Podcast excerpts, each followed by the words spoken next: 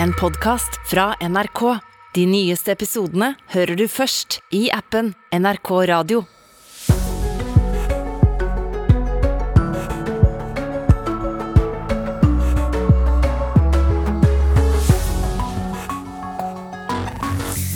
Morgen. Det bør bli et krav om å sørge for energisparing i huset når vi først pusser opp. Det mener en forsker i Sintef.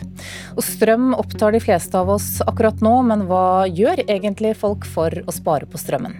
Jeg burde sikkert vært mye flinkere, men jeg gjør ingenting. Jeg har blitt flinkere til å skru av lysene på rommet når jeg går. Vi skal få noen svar den neste halvtimen på hva vi selv kan gjøre for å spare strøm hjemme, og også hvilke muligheter som finnes. I USA har FBI ransaket hjemmet til tidligere president Donald Trump i Florida. Det har skapt voldsomme reaksjoner, skal vi høre. Velkommen til Nyhetsmorgen i NRK. Jeg heter Anne Jetlund Hansen. Vi nordmenn bør gå grundigere til verks når vi først pusser opp huset. Det mener seniorrådgiver i Sintef og førsteamanuensis ved NTNU, Karen Byskov Lindberg. Bruker du først penger på å renovere huset, så bør du også sørge for at det reduserer energiforbruket, sier hun. Og hun mener også at det bør bli et krav. Sånn at når du da skifter kledning, så skal du også etterisolere. Når du skifter tak, så legger du også på ekstra isolasjon. Hvis du drenerer, så legger du på ekstra isolasjon utapå grunnmuren din. Boliger og næringsbygg bruker over halvparten av strømmen i Norge. Det meste går til oppvarming, og det er ikke få hus som er dårlig isolert. Likevel er det mange som pusser opp uten å gjøre noe med akkurat det, ifølge Byskov Lindberg. Når folk eh, skifter kledning, så det man kanskje gjør, er at man eh, ja, toppen skifter ut den eksisterende gamle isolasjonen med ny isolasjon. Og det er jo bra. Men det er svært få som lekker det ut og gjør veggen tjukkere, sånn at du får økt isolasjonstykkelse. Ja, men her er tekniske rom. Stortinget har som mål at bygningsmassen i Norge skal kutte energiforbruket med 10 TWh innen 2030. Det er nesten like mye som alle vindkraftverkene her i landet produserte i fjor. Men med dagens politikk kommer vi ikke til å nå dette målet, ifølge Sintef. Tvert imot. Forbruket kommer til å øke. Det skyldes bl.a. at bare hver femte gjør tiltak som sparer energi i huset når de først pusser opp. Vi har jo en mye høyere vilje til å legge 100 000 i et nytt kjøkken enn 100 000 i vannbåren varme, f.eks. Byskov Lindberg mener staten ikke bare bør stille krav, men òg tilby rimelige lån i Husbanken til energitiltak. Og lånene bør tilbys alle, mener hun.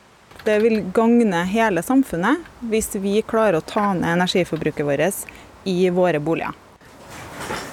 Men noen gjør som Sintef-forskeren anbefaler.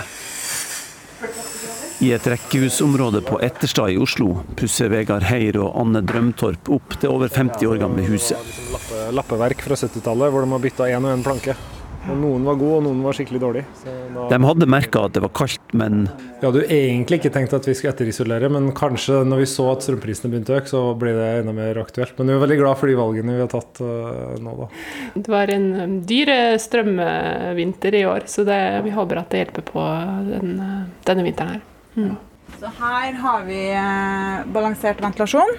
Også forskeren Karen Byskov Lindberg og mannen Bjørn Torud har nylig renovert et gammelt, trekkfullt hus i Bærum. De etterisolerte det grundig, monterte bergvarmepumpe og varmegjenvinning av ventilasjonslufta. Så nå bruker de 8000-9000 kWt strøm i huset. Men det sørvendte taket fikk samtidig solceller i stedet for takstein. Og så produserer vi da ca. 11 000 kWt i året. Så over året så går vi i pluss. Ikke verst. Nei, det er ganske behagelig. Vi kan jo ta med at Sintef-forskeren opprinnelig kom frem til en nedbetalingstid på alle energitiltakene i boligen på 40 år, men med dagens strømpriser så er den mer enn halvert. Reporter her, det var Kjartan Røslett. Og strøm er jo et tema som engasjerer de fleste av oss akkurat nå, men hva gjør vi egentlig for å spare på strømmen? Vi har vært ute og spurt folk om akkurat det. Vet du hva, jeg gjør fint lite. Jeg burde sikkert vært mye flinkere, men jeg gjør ingenting. Hvorfor ikke? Jeg vet ikke hva jeg skal gjøre. For hvis jeg slår av varmen på, varmekabelen på badet, så fryser jeg her, og da blir jeg sur. Så da er det bedre å betale litt. Jeg har blitt flinkere til å skru av lysene på rommet når jeg går. Var du ikke det før? Litt, men nå har jeg blitt mer bevisst og litt flinkere. Er det sånn at du tenker med gru på strømregningene som kommer i høst og i vinter? Litt, men jeg bor i, jeg bor i borettslag hvor varme er inkludert. Men jeg må passe på, passe på lysene. Hva gjør du for å spare strøm? Litt flyte. rett og slett. ja, Men har du noe triks? Nei, det er jo det å handle inn ved, da. Så det, vi får se hva hva prisen på det blir i år. Det er veldig fint å ha boden full av ved. Ja, jeg tror jeg kommer til å ta noen tiltak. Jeg kommer til å prøve å gå for vedfyring, og så kjøpe varmepumpe holder vi på med. Så forhåpentligvis kan det kanskje gjøre litt med varmestrømbruken. så du ikke får sjokk når ja. regninga kommer? Ja. er det noen hjemme hos deg som tenker på det? da? Ja, mannen min tenker på det. Han, han, han skal betale meg. Nei da. Nei, så han, han, slår av, og jeg slår opp i smug. Ja. Jeg, andre, jeg sparer på andre ting, jeg. Reporter her, det var Ida Kjøstelsen. Anna Barnvel, markedssjef i Enova, god morgen. God morgen. Enova er jo det statlige organet som støtter utvikling av ny teknologi for å redusere klimagasser, og gir også tilskudd til energi- og klimatiltak til privatpersoner. Dere har en egen svartjeneste. Enova svarer. Hvordan merker dere at folk er opptatt av strøm og strømpriser? Vi har en svartjeneste ja, som i hovedsak svarer på spørsmål relatert til de støtteordningene vi har. Eh, vi støtter 14 ulike klima- og energitiltak. Og I 2022 så har vi opplevd en veldig stor eh, økt interesse for eh, både å sende inn søknad om energitiltak, men også i svartjenesten som har svart på spørsmål knyttet til det her. Ja, hva er det folk lurer på? De aller fleste i år, eller mange da, har spurt om solceller, eh, smart strømstyring, som vi lanserte i år, men også de andre tiltak. Eh, ja, hva må de gjøre for å, å starte med prosjektet, og hva er potensialet i boligen sin. Vi hørte jo reportasjen tidligere her om oppussing med både tykkere vegger og solceller på taket. Er det innenfor rekkevidde for de fleste med eget hus å kunne forsyne seg selv med strøm? Det var flott reportasje med ambisiøse familier, som egentlig er et veldig godt eksempel på hva vi gjør i Enova. Å støtte de som går foran og, og prøver ut uh, ny klimateknologi. Um, den boligen som reportasjen var om, de gikk uh, helhets til verk. De startet jo med uh, bygningskroppen og etterisolerte og fikk de tjukkere veggene, og så bestemte de å gå for solceller. Um, det er nok mange boliger hvor den der type tiltak er aktuelt, og vi anbefaler anbefaler jo at folk gjør akkurat der, tenker helhetlig. Mm, så, ja, unnskyld? Nei, og så finnes det veldig mange lønnsomme tiltak i tillegg. Sånne mindre type tiltak som noen av de andre i reportasjen har svart på, som er også aktuelt for folk. Men er det innenfor rekkevidde for de fleste med eget hus å, å forsyne seg selv med strøm? Solceller eh, vil nok ikke dekke hele behovet for, eh, for boligeiere i dag, men det er gjerne i kombinasjon med andre tiltak som vi hørte om, som kan være lurt. Men Hva skal til da for å få støtte dersom jeg skal pusse opp huset mitt? Ehm, det er 14 ulike tiltak, eh, og det som skal til, at du gjennomfører prosjektet, og så sender du inn fakturer på det, så lenge som det er innenfor den type tiltak vi, vi støtter. Um, varierende i støttenivå. Solceller kan du få 7500 eh, basis, og så opp til 47 500 for de største anleggene. Nå er det mange som har eh, LED-lyspærer, termostat på varmeovner og effektive vaskemaskiner. Hvor er det mer å hente da, i vanlige hjem i Norge når vi skal spare strøm? Um, de aller fleste bruker nok mest energi på oppvarming uh, og varmt vann. Så det vil si at å starte med um, f.eks. en energirådgiver som gir deg en oversikt over hva du bruker mye energi til i boligen din, er smart. Enova støtter eh, mange alternative oppvarmingskilder, som væskevann, varmepumpe, bioløsning og solfanger, eh, for å hjelpe deg med den oppvarming av varmt vann. Eh, behov, ja. Hvis jeg har bruk for en slik rådgiver, da, hvor går jeg hen da? Du kan starte på nettsida til Enova. Vi har alle energirådgivere på nettsiden vår. Eh, men det er også å ta kontakt med en, eh, noen du kjenner, en håndverker du, er, du har tillit til. Er det sånn at også borettslag eller mindre bygårder bør tenke nytt for å spare strøm? Absolutt. Eh, og i år så begynte vi å støtte kartlegging av energitiltak og klimatiltak i borettslag og sameier for akkurat det der. De skal også få oversikt over hva er klokt for dem å gjøre. Takk skal du ha, Ana Barnwell, markedssjef i eh, Enova. Og programleder for Politisk kvarter, Bjørn Myklebust. Strøm er den saken som dominerer i norsk politikk, også klokka kvart på åtte i dag. I et helt kvarter, og kanskje i flere år. Ehm, regjeringen fekter nå med opposisjon og med sine egne, og jeg får besøk av en Senterpartiordfører som krever at Trygve Slagsvold Vedum setter hardt mot hardt og kommer med ufravikelig krav til regjeringspartner Arbeiderpartiet. Innfør makspris på strøm, både for husholdninger og for bedrifter. Og hvis ikke, mener han at regjeringen gjerne kan ryke. Ja, det skal vi også høre mer om klokka 7.45 i Politisk kvarter, og det er om en drøy halvtime.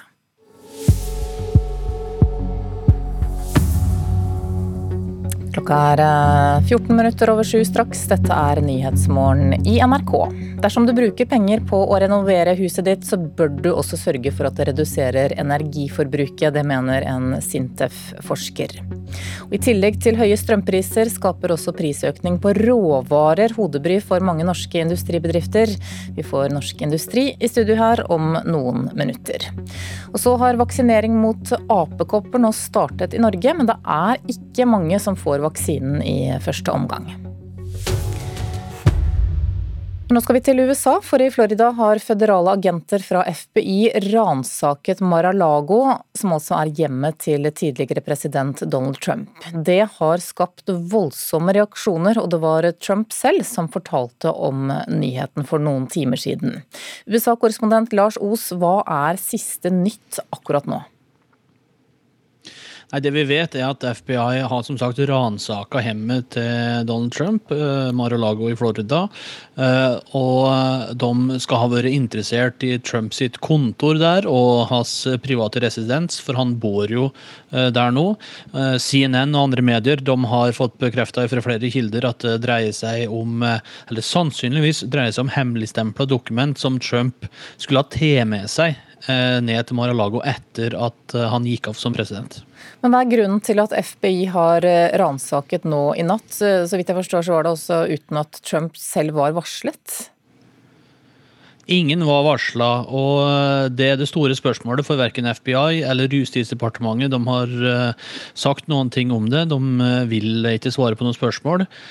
Jurister med kjennskap til føderale myndigheter sier at for å kunne gjennomføre en ransaking til en tidligere president, som aldri har skjedd før, så må det altså gå helt opp til justisministeren og Merrick Garland for å godkjenne det. FBI er nødt til å gå gjennom en føderal dommer Eh, å legge fram bevis eh, for å gjøre det med, og for at det er helt tatt eh, sannsynlig for at de skal klare å finne noe som er kriminelt. Um, og det at føderale myndigheter går så drastisk til verk som å ransake hjemmet til en tidligere president i USA, det har egentlig rysta USA noe politisk. Ja, hvilke reaksjoner har kommet de siste timene? Eh, det diskuteres eh, på TV, det, det, det, koker på Twitter, det kastes eh, mye rett og slett si drittord frem og tilbake. Donald Trump sjøl er, er, ganske forbanna, og gjennom den pressemeldinga skrev han at mitt flotte hem er under beleiring av et angrep fra radikale venstresida. Han mener Justisdepartementet og demokratene vil prøve å stoppe hans muligheter for å stille som president i 2024. Minoritetslederen i Representantenes hus, Kevin McCarthy, han har kalt ransakinga for en stor skandale og lover å etterforske justis justisministeren hvis eh, republikanerne kommer til makta etter mellomvalget. Men Hva kommer til å skje videre nå? Det er litt vanskelig å si, fordi at nå må vi jo nesten høre hva FBI egentlig vil. Ehm, men eh, sett i lys av den politiske bomba her, så blir nok eh, Justisdepartementet og Merrick Garland pressa ganske hardt til å faktisk fortelle hva det her er for noe. Eh, det hvite hus de fortalte at de ikke visste noen ting eh, om det her, men allerede nå så ser vi at Trumps støttespillere de retter jo skytsen, skytsen sin mot Biden og demokratene og anklager dem for å bruke FBI som et politisk våpen. Eh, flere eksperter mener nå at det ikke er noe vei tilbake, fordi at siden FBI har gått så langt for å ransake boliger til en tidligere president, så er det såpass alvorlig at hvis de ikke hvis det ikke kommer noe konkret ut av det her, så vil det jo få enorme ringvirkninger i det politiske landskapet i USA, og det vil jo bare bli enda hardere angrep imellom demokrater og republikanere. Takk skal du ha, USA-korrespondent Lars Os, og vi følger selvfølgelig med på reaksjonene også i løpet av dagen. Jeg snakket om strømpriser denne morgenen også, og i tillegg til høye strømpriser så har mange norske industribedrifter de siste månedene opplevd kraftig prisøkning på råvarer. Mange har også problemer med å skaffe det de trenger til produksjonen.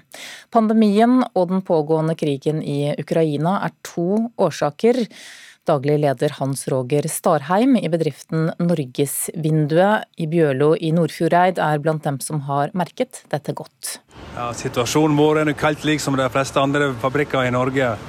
Vi som alle andre sliter med å få tak i råvarene våre tidsnok. Men uh, utfordringene er som sagt like, og vi tar utfordringene dag for dag og sak for sak. Norgesvinduet har 135 ansatte i fabrikken som ligger i Nordfjordeid, helt nord i Vestland fylke. Det de særlig sliter med nå, er å skaffe enkelte deler til produksjon. Det kan være delkomponenter, spesielt som er basert med metall. Det er ikke nødvendigvis produsert i Norge eller Europa, og det kommer da inn til Europa fra utlandet. Og vi ser at en del av delkomponentene kan ligge fast i enkelte havner på vei inn til Europa og Norge. Interesseorganisasjonen Norsk Industri har spurt 300 medlemsbedrifter om hvordan prisøkningen på råvarer og utfordringer med å få dem levert har påvirket bedriften.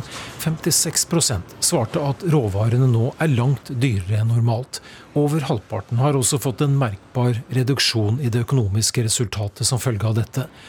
Og hver fjerde bedrift svarer at knapphet på råvarer har gått utover aktiviteten. Men det gjelder ikke for vindusprodusenten.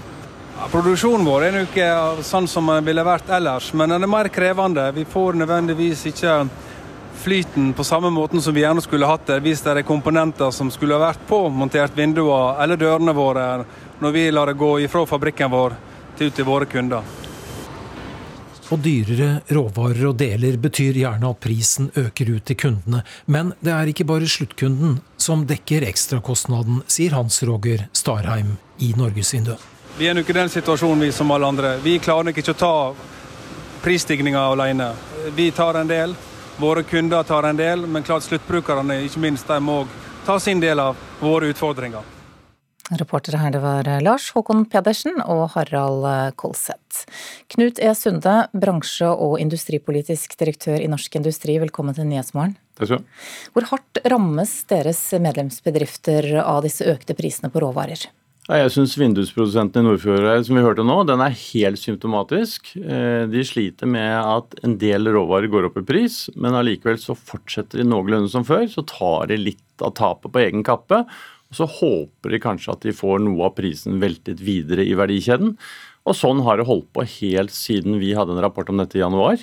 Og det er liksom etterdønningen av koronaen som henger ved ennå.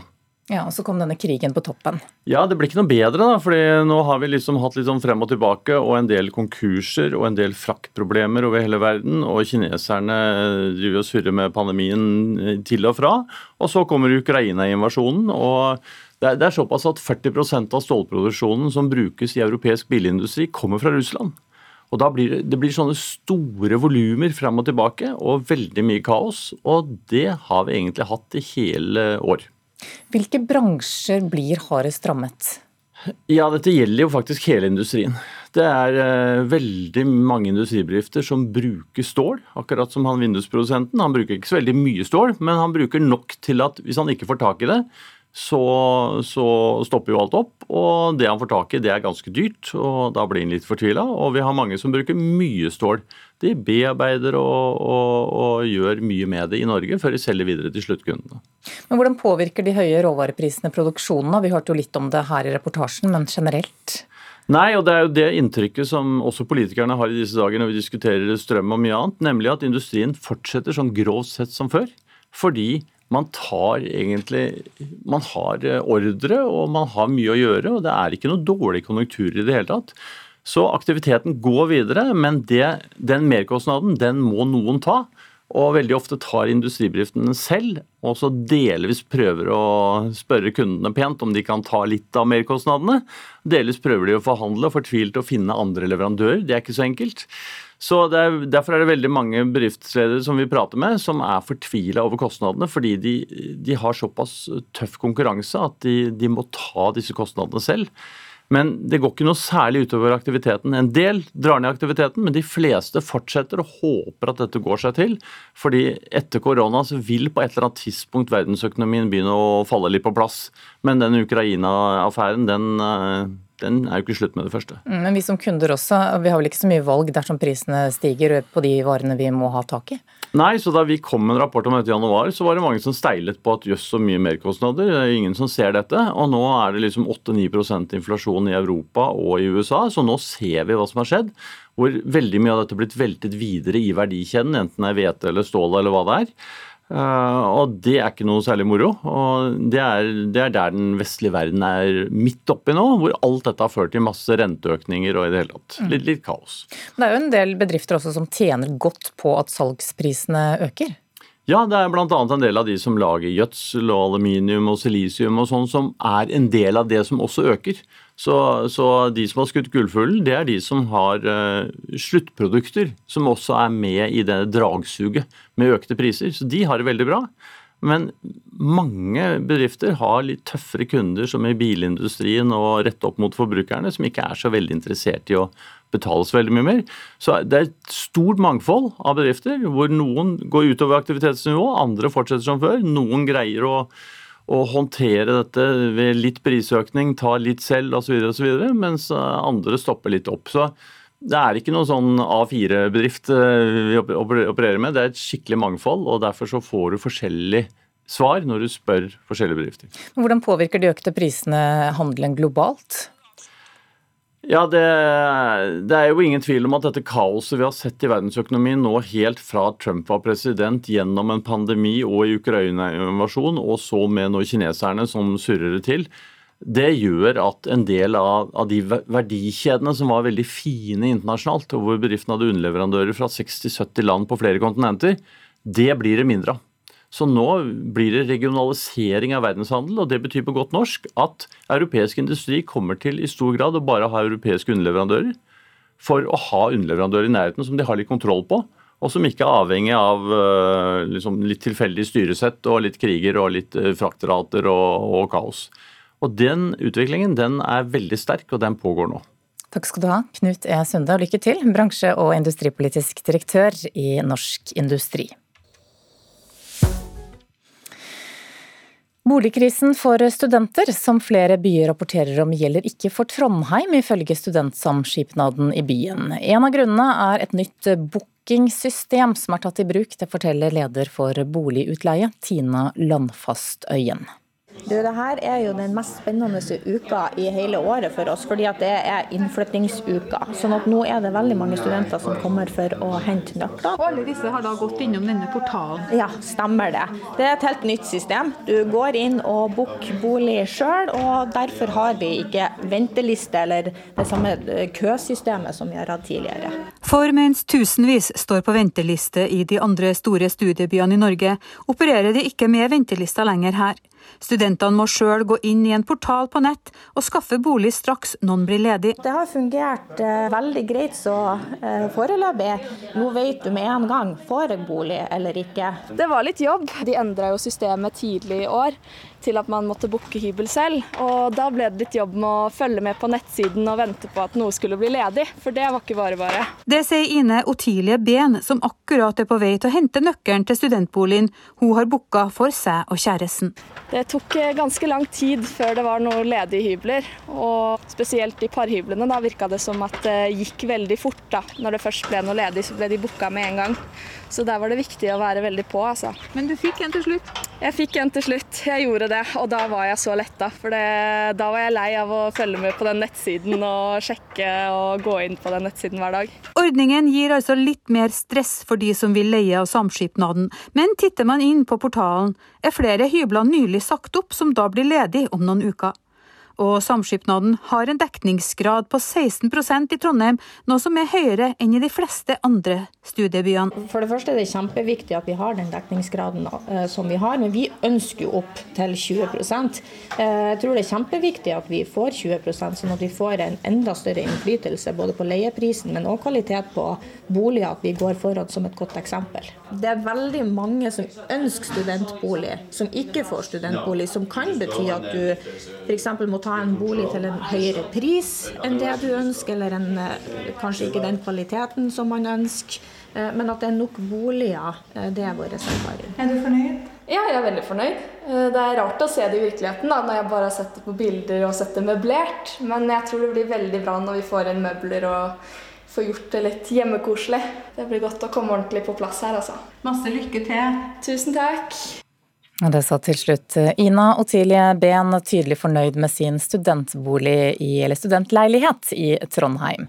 Reporter her, det var Grete Tobro. Du lytter til Nyhetsmorgen i NRK. Vi skal straks få Dagsnytt 7.30 ved Kari Ørstavik. Eh, etter eh, klokka åtte skal vi snakke om Kenya, for der er det stor spenning i forbindelse med presidentvalget i dag. Valglokalene er åpne nå, og for femte gang forsøker veteranen Raila Odinga å bli president. I tillegg så skal vi også høre at Øyafestivalen i Oslo er i ferd med å åpne. Du skal få en direkterapport om hvordan det går der noen timer før eh, åpningen i morgen når vi eh, runder eh, kvart over åtte.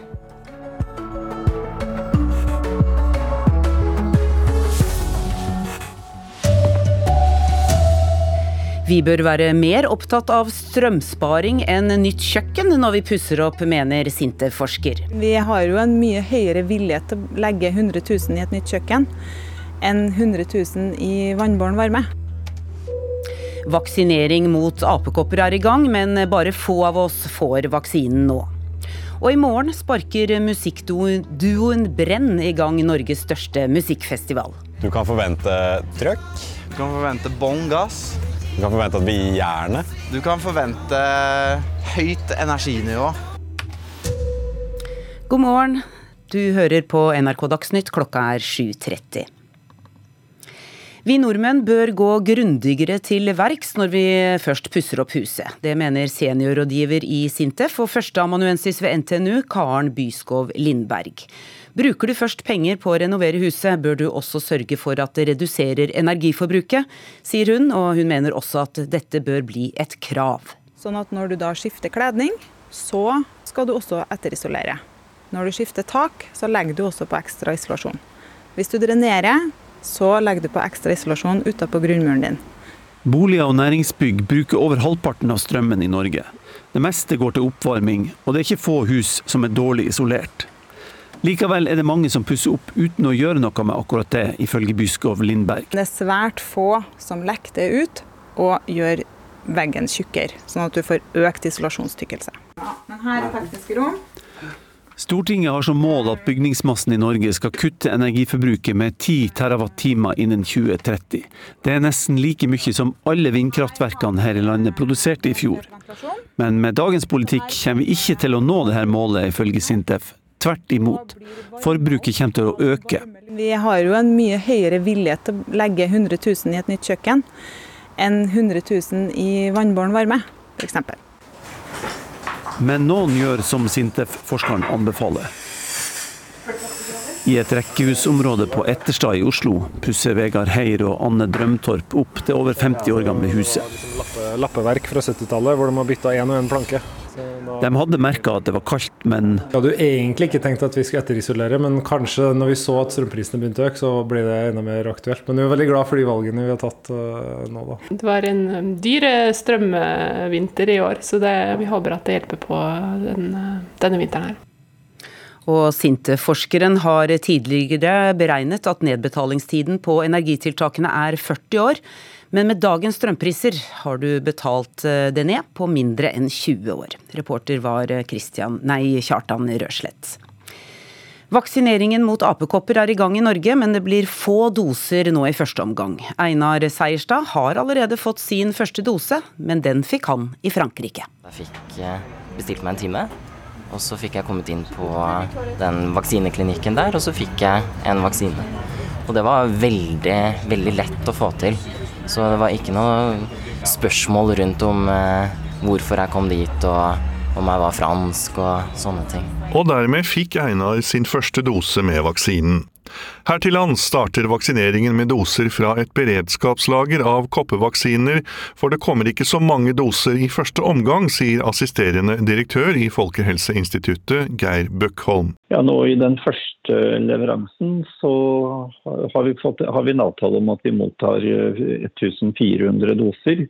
Og så er jo dette en eh, todosevaksine, slik at eh, det er nok til å vaksinere 700 personer. Og Det er jo et eh, relativt begrenset antall, slik at vi, må, vi er avhengig av å bruke de vaksinedosene på en klok måte. I sommer har smittetallene økt både i USA og Europa, og det er ventet at smitten også går opp her. Mange har vært ute og reist og kommer tilbake og til Norge, slik at vi må nok være forberedt på at vi får flere tilfeller som registreres eh, etter hvert som folk kommer tilbake til, eh, til Norge. For Einar, som er så ung at han ikke har koppevaksine, er det fint å vite at han nå kan være beskyttet. Jeg vil jo så klart ta eh, en apekoppvaksine for å beskytte meg mot det viruset. Jeg er jo den generasjonen som ikke har fått koppervaksinen fra før av. Reporter var Tor Albert Frøsland. I USA har agenter fra FBI ransaket Mar-a-Lago, hjemmet til tidligere president Donald Trump i Florida. Det var Trump selv som fortalte om nyheten, og det har skapt voldsomme reaksjoner.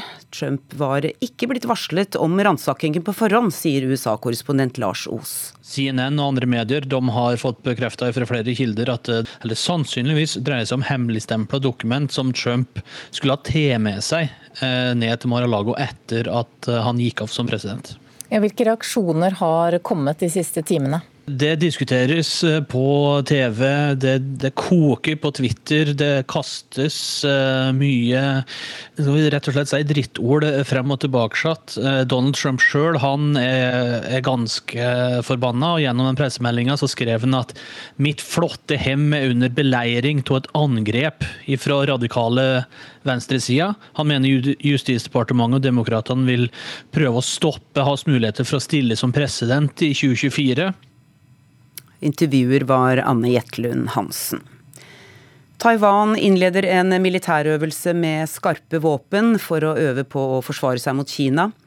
Det er frykt for krig på Taiwan etter at Kina reagerte kraftig på besøket til den tidligere kongresslederen Nancy Pelosi i forrige uke. Kina fortsetter med sin militærøvelse på sjøen og i lufta rundt Taiwan også i dag. Mange norske industribedrifter opplever kraftig prisøkning på råvarer og har problemer med å skaffe det de trenger til produksjonen. Pandemien og den pågående krigen i Ukraina er to av årsakene. Daglig leder Hans Roger Starheim i bedriften Norgesvinduet Bjørlo i Nordfjordeid merker dette godt. Vi som alle andre sliter med å få tak i råvarene våre tidsnok. Norgesvindu har 135 ansatte i fabrikken som ligger i Nordfjordeid, helt nord i Vestland fylke. Det de særlig sliter med nå, er å skaffe enkelte deler til produksjonen. Det kan være delkomponenter, spesielt som er basert med metall. Det er ikke nødvendigvis produsert i Norge eller Europa, og vi ser at en del av delkomponentene kan ligge fast i enkelte havner på vei inn til Europa og Norge. Interesseorganisasjonen Norsk Industri har spurt 300 medlemsbedrifter om hvordan prisøkningen på råvarer og utfordringer med å få dem levert har påvirket bedriften. 56% svarte at råvarene nå er langt dyrere enn normalt. Over halvparten har også fått en merkbar reduksjon i det økonomiske resultatet som følge av dette. Og hver fjerde bedrift svarer at knapphet på råvarer har gått utover aktiviteten. Og dyrere råvarer og deler betyr gjerne at prisen øker ut til kundene. Men det er ikke bare sluttkunden som dekker ekstrakostnaden, sier Hans Roger Starheim i Norgesvinduet. Vi er nok i den situasjonen vi som alle andre. Vi klarer nok ikke å ta prisstigninga alene. Vi tar en del, våre kunder tar en del, men klart sluttbrukerne ikke minst, de må ta sin del av våre utfordringer. Reporter var Lars Håkon Pedersen. I morgen starter Norges største musikkfestival, Øyafestivalen. Det er forventet at rundt 100 000 skal delta på denne første festivalen på tre år. Og det er musikkduoen Brenn som skal sparke det hele i gang.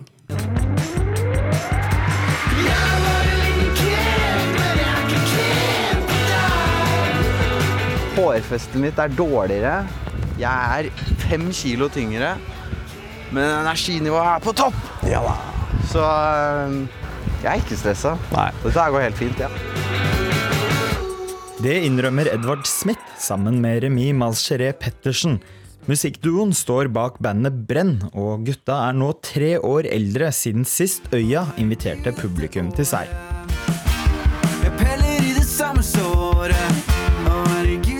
Og duoen de har mange løfter før åpningsshowet i morgen.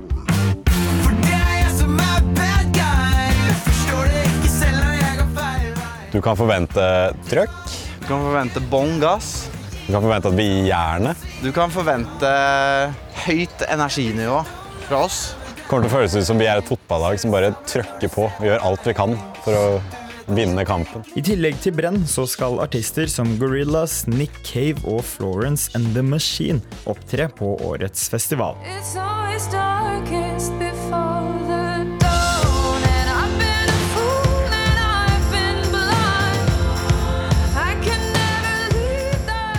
Øyafestivalen er Norges største festival. Det er forventet at rundt 100 000 mennesker skal prege Tøyenparkens gressletter i løpet av de fire dagene.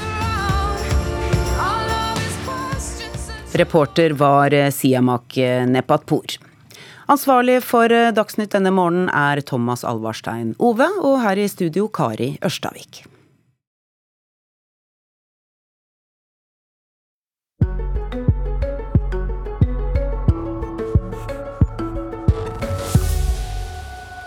Klokka er 7.40. Dette er Nyhetsmorgen i NRK.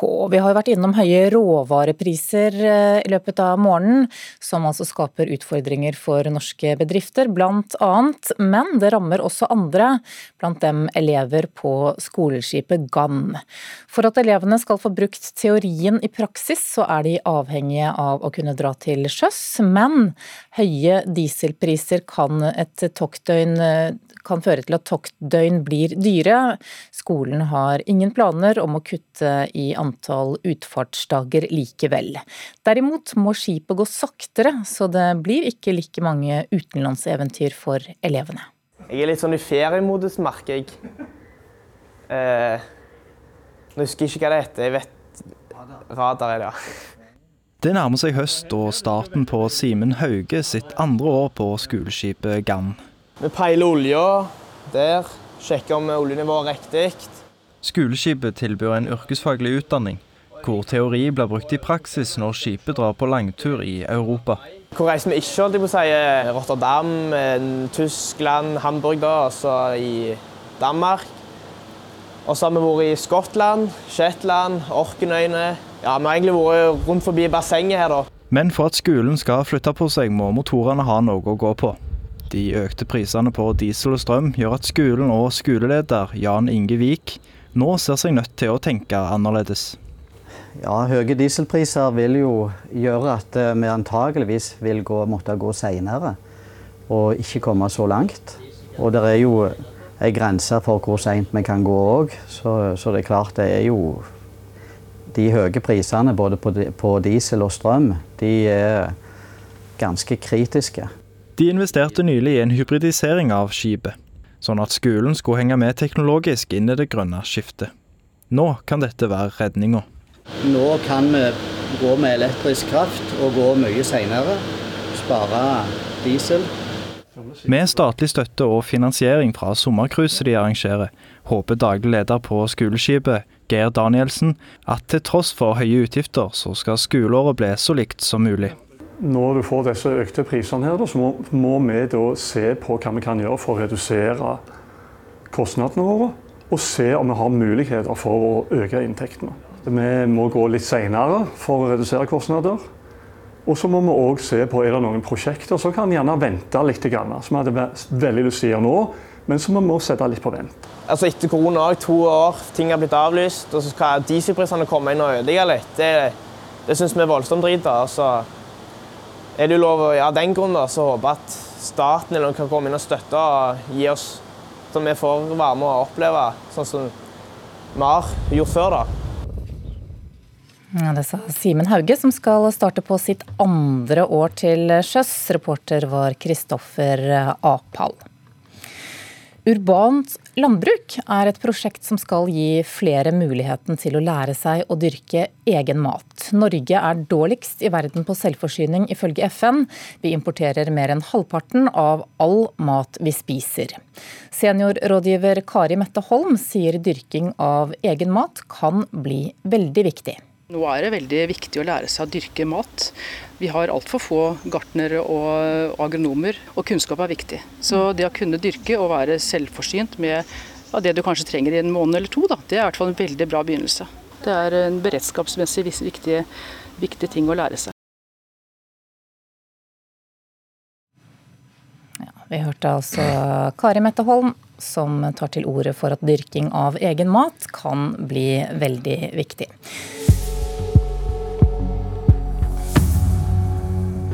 Klokka har passert 7.44. Dette er Nyhetsmorgen i NRK. Hovedsaken vår i dag er at det bør bli et krav om å sørge for energisparing i huset når vi først pusser opp. Det mener en forsker i Sintef. I USA har FBI ransaket hjemmet til tidligere president Donald Trump i Florida. Det har skapt eh, voldsomme reaksjoner. Og vaksinering mot apekopper er nå i gang i landet vårt, men det er ikke mange som får vaksinen i første omgang. I Kenya så har valglokalene åpnet. Dette valget blir en viktig test på demokratiet i landet, og det skal vi snakke om etter klokka åtte. Nå skal det handle om norsk politikk det neste kvarteret.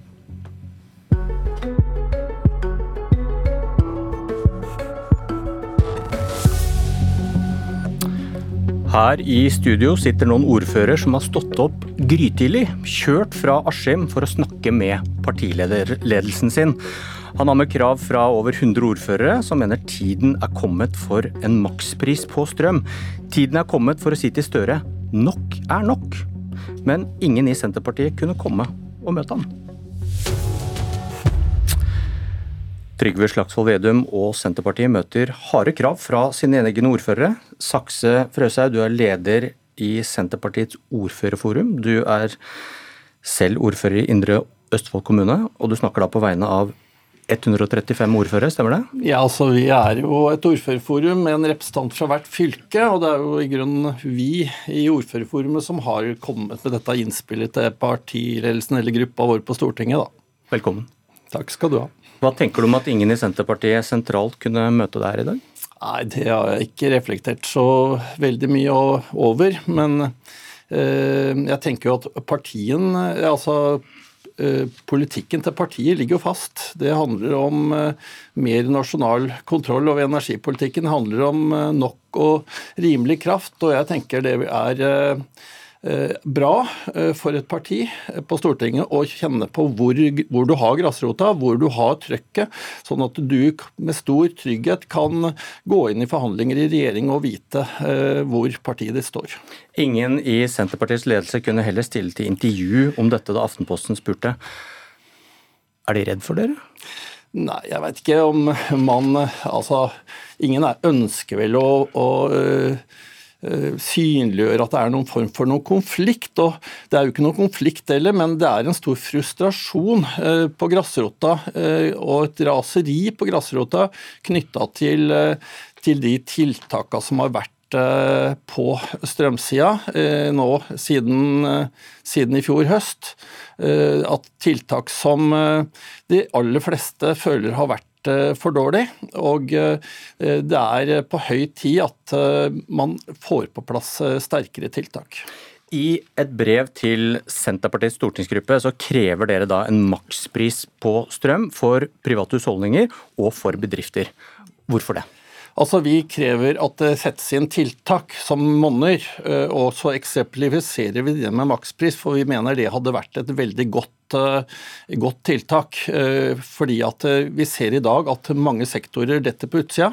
Næringslivet har dette på utsida. Mange virksomheter sliter nå veldig. Vi ser konkursene går rett i været. Vi ser vi har hele offentlig sektor som ikke har fått støtte. Det, det, vi står foran en vinter som kanskje blir enda verre enn den forrige. Det kan gå utover tjenestetilbudet rundt i kommunene bl.a. Kirkene, som har store bygningsmasser og å holde varme, eh, har ikke fått støtte. Museer har ikke fått støtte. Private skoler og barnehager har ikke fått støtte. Altså Det er mange, så mange høl i systemet, så vi har gått for en generell ordning som er lett å administrere, og som på en måte kan danne en bomplanke for hvordan, eh, hvordan systemet skal være framover. Hva bør maksprisen være? Nei, Vi har ikke sagt noe eksakt uh, tall på det. Uh, det. det. må en jo vurdere, men uh, Hvorfor ikke? Hvorfor ikke? Nei, altså Det er jo et økonomisk regnestykke, og, hva man, hva, hvor den bør ligge. Men, Dere har sagt 45 øre ved en ja, anledning? Vi har ment at det hadde vært et rimelig, rimelig krav. Eh, men man må ta og se på makroøkonomien her også. Eh, men jeg mener at det bør eh, betydelig ned fra de 70 ørene som er i dag, ja. Vi må se på hvilke inntekter som faktisk staten har fra norske forbrukere pga. den høye strømprisen, og de er ikke små. Vi vet at kraftverka våre beskattes med omtrent 60% i grunnrenteskatt og selskapsskatt. Vi vet at staten eier 40% av kraftproduksjon i Norge, og det utbetales store utbytter knytta til det. På toppen av det hele så har vi momsen, som også vil være betydelig både direkte på eh, den økte strømprisen, men også på hele lønns- og prisspiralen vi ser i hele næringslivet, som eh, jazzer opp eh, prisene på sluttproduktene. Ok, Poenget ditt er at det offentlige har mye penger. Vi skal komme litt tilbake til det. Men dere antyder 45 øre, da, vesentlig ned, og en makspris 100% til alle husholdninger, alle bedrifter, det offentlige. Hvor mye koster noe sånt? Altså det, det vet vi ikke. Det er derfor vi må se på total, det regnestykket. Men jeg mener minimum så må staten gå inn med det merinntekten som staten nå får på grunnlag av den strømpriskrisa, ut fra de inntektene man henter i det nasjonale markedet. Da vil du heller ikke endre på øh, øh, Da vil jo øh, det ikke påvirke inflasjon og den type ting. Det skjønte jeg ikke. Nei, altså når du da bruker hvis du, penger hvis du, tar penger du for, hvis, du, hvis du, tjener masse penger på gass eller på nei. høyere strømpris og pøser det inn i økonomien, mm. påvirker ikke det inflasjonen? Når du tar og senker kjøpekraften til innbyggerne med et beløp og gir de tilbake igjen så innbyggerne får den samme kjøpekraften, så skal det være en nullsumspill så lenge du ikke blander inn det som skjer mot utlandet. Hvorfor sier partilederen din noe helt annet? Ja, Det kjenner jeg ikke til. Har du ikke hørt han snakke om faren for inflasjon og rente hvis man ja, bruker ja. mye penger på strømstøtteordninger til private og til bedrifter? Ja. Nei, altså det, det er mange meninger og synsinger rundt dette her sånn. Eh, jeg mener det er opplagt at eh, når man bruker de pengene som du henter ut i det nasjonale markedet til tiltak hos de samme aktørene, så vil det være et nullsumspill. Det er klart Hvis du bruker de pengene som du får inn i økt strømpris på statens hånd til andre typer tiltak, så har du et problem. Men hvis du pløyer de tilbake på i kompensasjon pga. de høye strømprisene, så vil situasjonen være en helt annen. La oss bare høre på hva Vedum sier om dette her. så er det ikke noe som er en gratis lunsj. Så må vi også se på hvordan vi kan finansiere det. For Hvis vi bare bruker mer penger til alt, selvfølgelig er det det letteste for enhver regjering å si mer penger, mer penger, mer penger, så skaper vi andre problemer, f.eks. med enda mer prispress. Eh, og dermed enda mer press på renta. Så vi må klare å finne den balansen. Hvordan skal Senterpartiets ordfører klarer å bli enig med sin egen partileder når dere har så diametralt syn på hvordan penger virker inn i norsk økonomi? Altså, Vi må argumentere inn ut fra det ståstedet som vi har lokalt. Eh, ut fra den virkeligheten som vi oppfatter eh, er der ute. De utfordringene som vi ser eh, næringslivet vårt har, og de, ut, de store utfordringene som mange innbyggere nå har.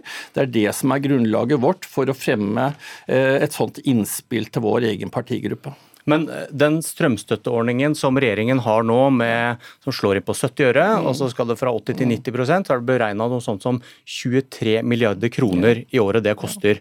Mm. Eh, det du foreslår, jeg vet ikke, er det 100 milliarder? Nei, 150 nei, nei, milliarder? Nei, nei, nei. Men du vet jo ikke? Nei, altså vi har jo sagt at vi har ikke noe eksakt beløp som vi går på nå. Men du skal gå til alle bedrifter, ja, det skal være ja, 45 ja, øre da. det er store tenke, tenk beløp. Deg, tenk deg det, altså vi har eh, Si at du hadde lagt en, en støtte på 70 øre da, til, eh, til, til alle strømbrukere.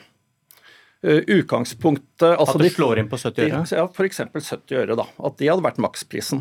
Ja, Men dere har jo sagt 45? Ja, det er, altså, det er bare et innspill tidligere enn det vi har sagt nå. Da, det kan diskuteres. Okay.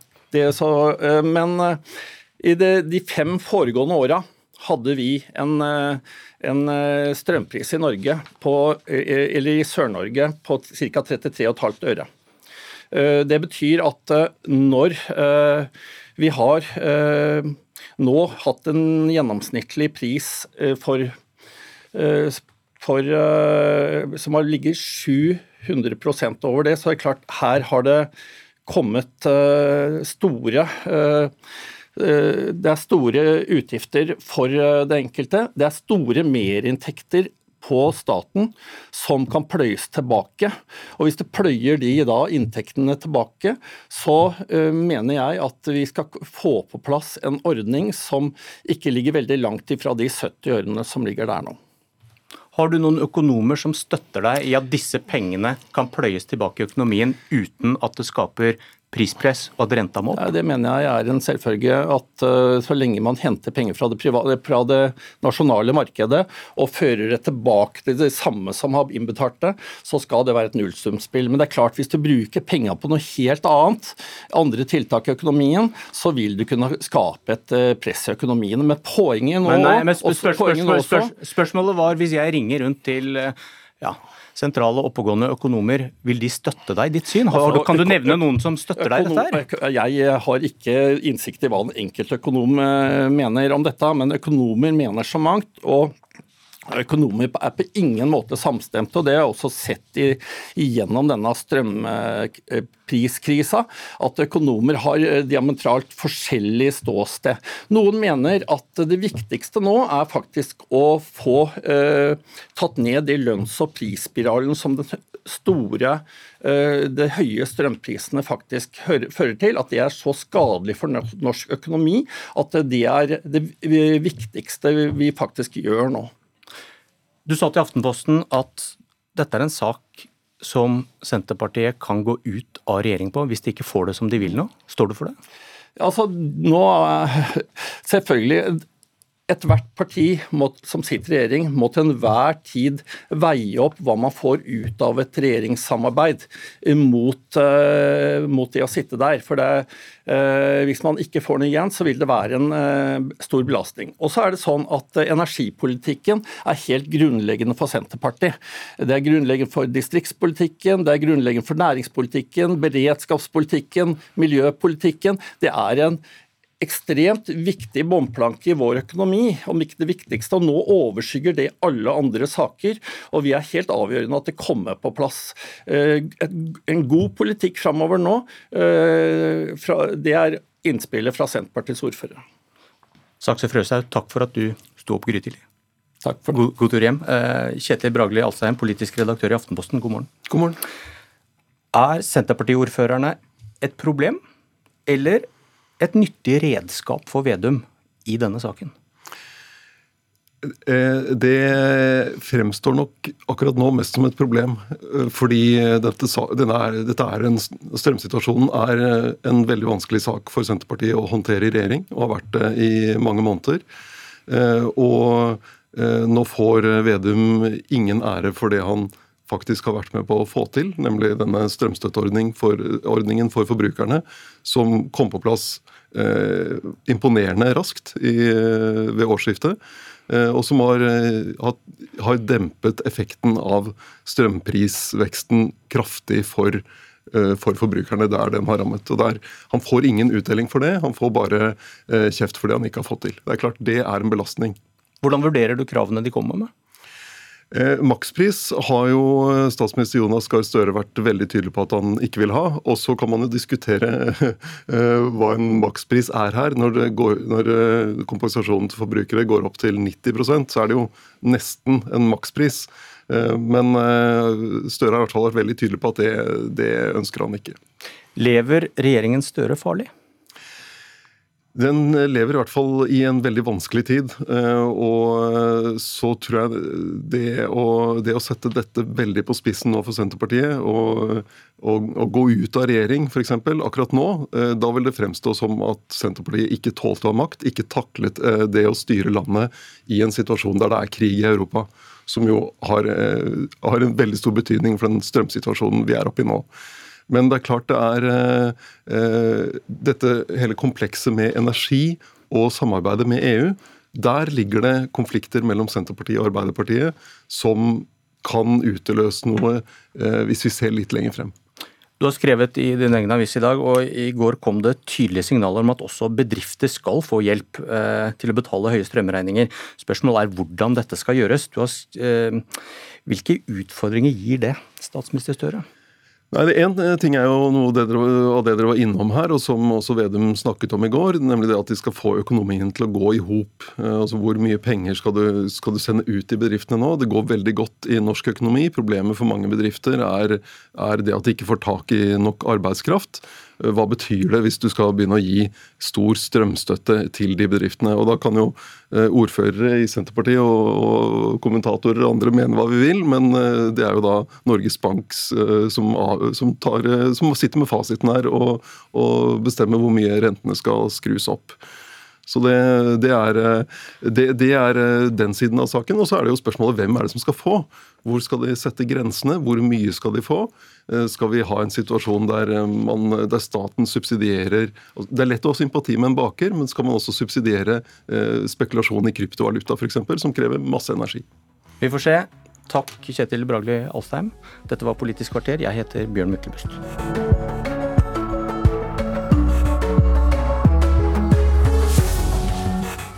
Du har hørt en podkast fra NRK. De nyeste episodene og alle radiokanalene hører du i appen NRK Radio.